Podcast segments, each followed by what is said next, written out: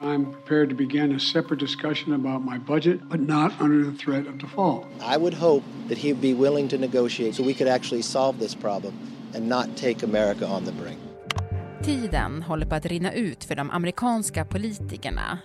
Om inte republikaner och demokrater kan komma överens om hur mycket staten får låna riskerar landet att gå i konkurs. That would send shockwaves through global markets. Uh, it would fundamentally undermine the position of the dollar. På en kvart får du veta vad som händer om USA inte höjer skuldtaket. In case it doesn't pass? Yeah, you know, the immediate collapse of the U.S. economy, followed by Japan sinking into the sea, followed by a worldwide depression, the likes of which no mortal can imagine. So this debt ceiling thing is routine or the end of the world? Both. Det är måndag den 15 maj. Det här är dagens story från Svenska Dagbladet med mig, Alexandra Karlsson. Och idag med Erik Bergin, tidigare USA-korrespondent för SvD.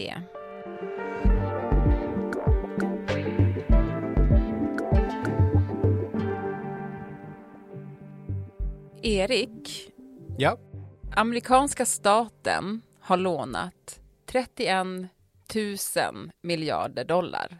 är precis lite drygt till och med. Ja. Alltså det är ju så otroligt mycket pengar. Och när jag försökte räkna ut eh, vad det här var i då svenska kronor, då började jag relatera väldigt mycket till den här kvinnan.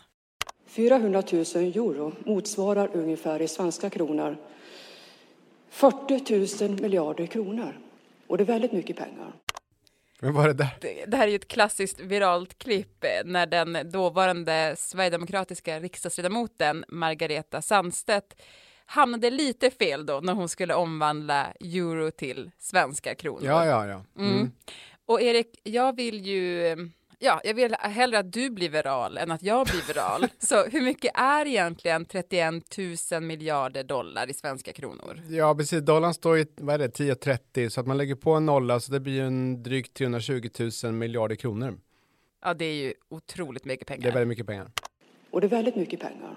Men okej, om vi då eh, liksom stannar i det faktumet att det som sker nu är ju att USA riskerar att gå i konkurs. Vad är det som händer? Du måste förklara. Jo, exakt. Och det är ju så att det finns ett skuldtak i eh, USA som man har haft sedan början av 1900-talet. Jag tror det var 1917 sånt där. Men, och det reglerar helt enkelt i antal dollar hur mycket den federala staten, hur mycket staten får låna. Väldigt ovanligt att eh, länder har den här typen av, alltså tak och begränsningar har man, men det uttrycks ofta som procent av BNP eller någonting sånt där, att man har exakta, ett exakt belopp. USA är nästan ensamt om det. Mm. Men, men vem har satt den gränsen då? Det är kongressen, eh, politikerna som har gjort det och eh, det kom ju till i början eh, av 1900-talet där man, man ville alltså, kontrollera så att det inte skenade iväg, att inte myndigheter spenderade pengar de inte hade och så vidare. Och sen så har man gjort förändringar som i modern tid kan man säga, efter efterkrigstid så har det ju varit så att man haft den här gränsen och ständigt höjt den gång på gång på gång på gång på gång och det är ett sånt läge vi är framme vid nu igen då. Mm, ja, precis, för nu måste de ju höja igen. Ja, man körde i taket. Och precis, och det ska vi gå in på alldeles strax. Men Mm. först Erik, vem är det man lånar av? Det är alla andra länder. Alltså, eh, USA ger ut uh, statsobligationer som, som alla andra länder gör. Och uh, det som är speciellt med dem är att det, det anses allmänt vara, det brukar uttryckas som grundbulten i det finansiella systemet. Alltså det är den mest säkra investering man kan göra, amerikanska statspapper, på antagandet då att USA kan inte gå i konkurs. Och det är det som gör att om det nu skulle vara så att USA tvingas ställa in den här skulden, så blir det, ja det har aldrig hänt så man vet inte vad som händer, men det kommer förmodligen att ge- ge stora börsras och, och katastrof och, och recession och allting sånt där som, som man vill undvika. Mm.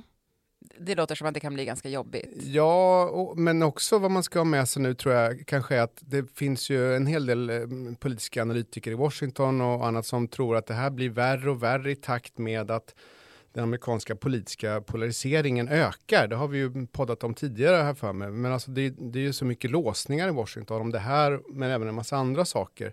Inte bara kan man dessutom lägga till mellan demokrater och republikaner, utan även inom republikanerna. Så att inte ens inom det partiet är man ju överens riktigt om hur man ska göra med det här. Och det gör det ju lite eh, komplicerat nu då, att få till en lösning på de få veckor man har på sig.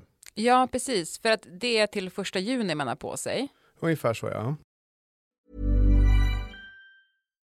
Botox Cosmetic, out of botulinum toxin A, FDA approved for over 20 years. So, talk to your specialist to see if Botox Cosmetic is right for you. For full prescribing information, including boxed warning, visit BotoxCosmetic.com or call 877-351-0300. Remember to ask for Botox Cosmetic by name. To see for yourself and learn more, visit BotoxCosmetic.com. That's BotoxCosmetic.com. Och Republikanerna och Demokraterna står på olika sidor Mm. i den här frågan. Vad är, vad är de olika sidorna då? Demokraterna vill att det här ska höjas till ett högre belopp och eh, Republikanerna vill i och för sig höja, men de kräver besparingar i, i, budget, i statsbudgeten för att eh, släppa igenom en höjning. Och det är där som låsningen är. Alltså ska man villkora det som eh, Republikanerna vill eller ska man eh, höja utan villkor som Demokraterna vill? Och det är det som man inte har enats om. Mm. Man ska väl eh, komma ihåg kanske att ingen vill ju att USA defaultar, som det, alltså att USA ställer in betalningen på statsskulden. Alla, möjligen ut, utom några extrem republikaner, vill att, att USA gör det, så man kommer att försöka lösa det. Jag tror också att man kommer lösa det, men innan det sker en lösning så, så kan det skaka till på börser, det kan bli oroligt och det skedde 2011 när det var kris tidigare och då kom man så pass nära den här finansiella avgrunden kan man väl säga så att börserna började falla och eh, USA fick dessutom sänkt kreditbetyg då, eh, de här statspappen, så, från AAA som det heter till AA plus av Standard Poor's. Så att det har redan fått effekter och det man är rädd för nu är att det blir sådana effekter och kanske värre den här gången igen då. Mm, ja, men precis. För att om man då lyssnar på eh, finansministern eh, Janet Yellen så låter det ju på henne som att det är ett ganska allvarligt läge. Hon säger att det skulle innebära finansiellt och ekonomiskt eh, kaos.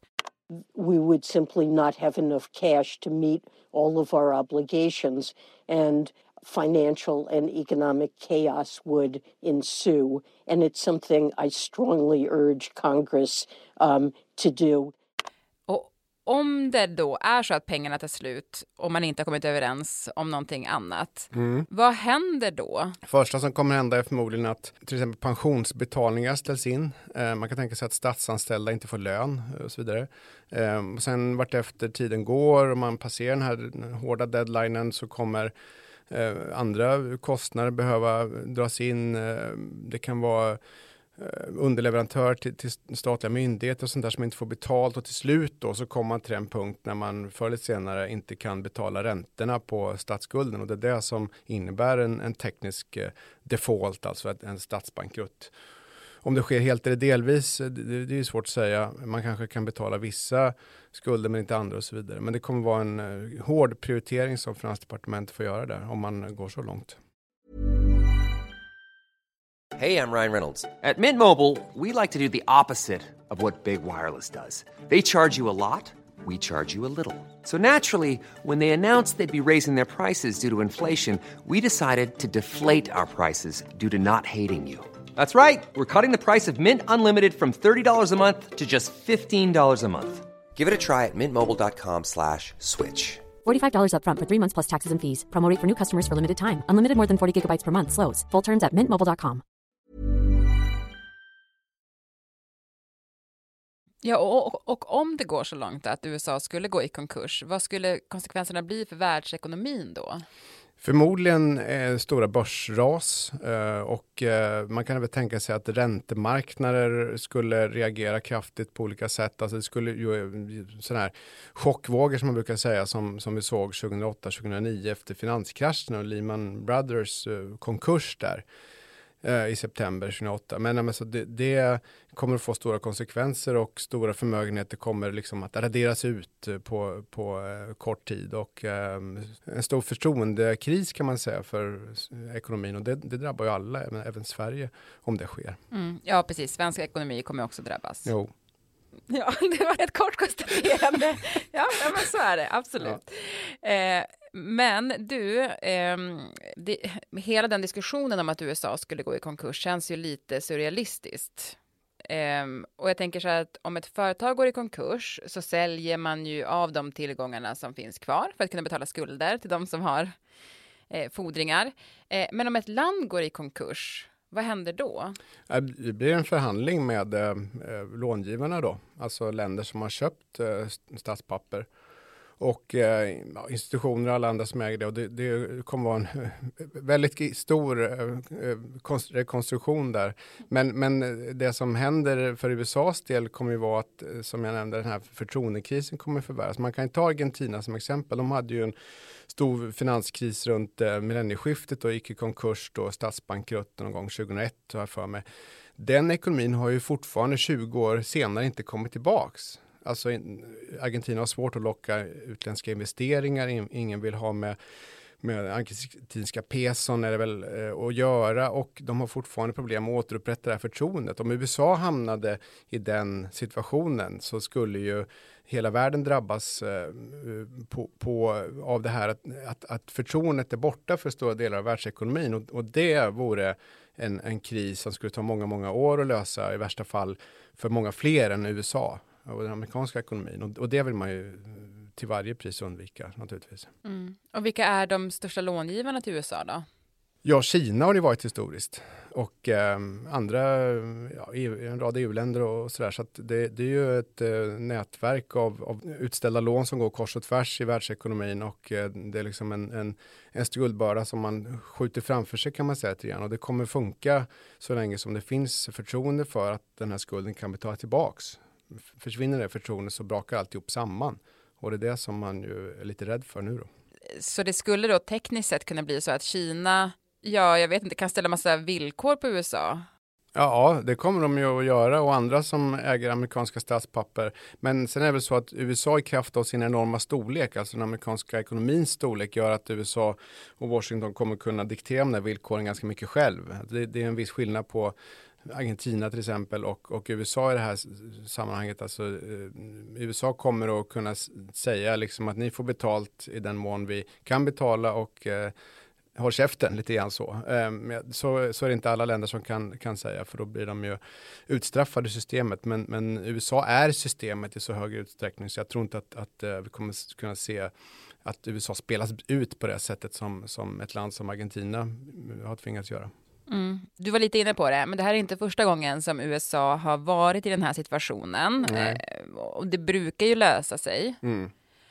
Och du tror att det kommer göra det den här gången också? Ja, jag tror nog det. Men, men det innebär ju inte att, att krisen är, mindre verklig. Alltså, det, det är ju ett återkommande problem det här. Jag, när jag bodde i New York så skrev jag själv om det 2015. Då var det kris. Det var några år tidigare var det kris 2011 som vi har nämnt. Det, det, har, det har återkommit hela tiden. Och bilden av USA, bilden av Washington och bilden av kongressen är ju att USA så att säga inte riktigt är herre över sitt eget öde. Landet stapplar fram, man hamnar ideligen i de här eh, återkommande kriserna som man eh, ingen vet hur man ska lösa. Man löser det i och för sig oftast men det, det, ser liksom inte så bra ut och det är en förtroendefråga för USA och amerikansk ekonomi. Och, och ju längre det här pågår, ju värre blir den. Mm. Spännande ja. är det ju och läskigt. Ja, lite läskigt. Men ja, vi får väl se. Det kanske blir en uh, skäl till en podd till uh, juni någon gång om det här går åt helvete. Får vi se. Mm. Det är ju, man, man en, vi älskar ju att ha dig i podden Erik, men ta, varsågod, men jag vet inte om vi skulle vilja ha det av den anledningen. Så vi, men ja, det, det återstår att se. Ja. Tack så jättemycket. Tack själv.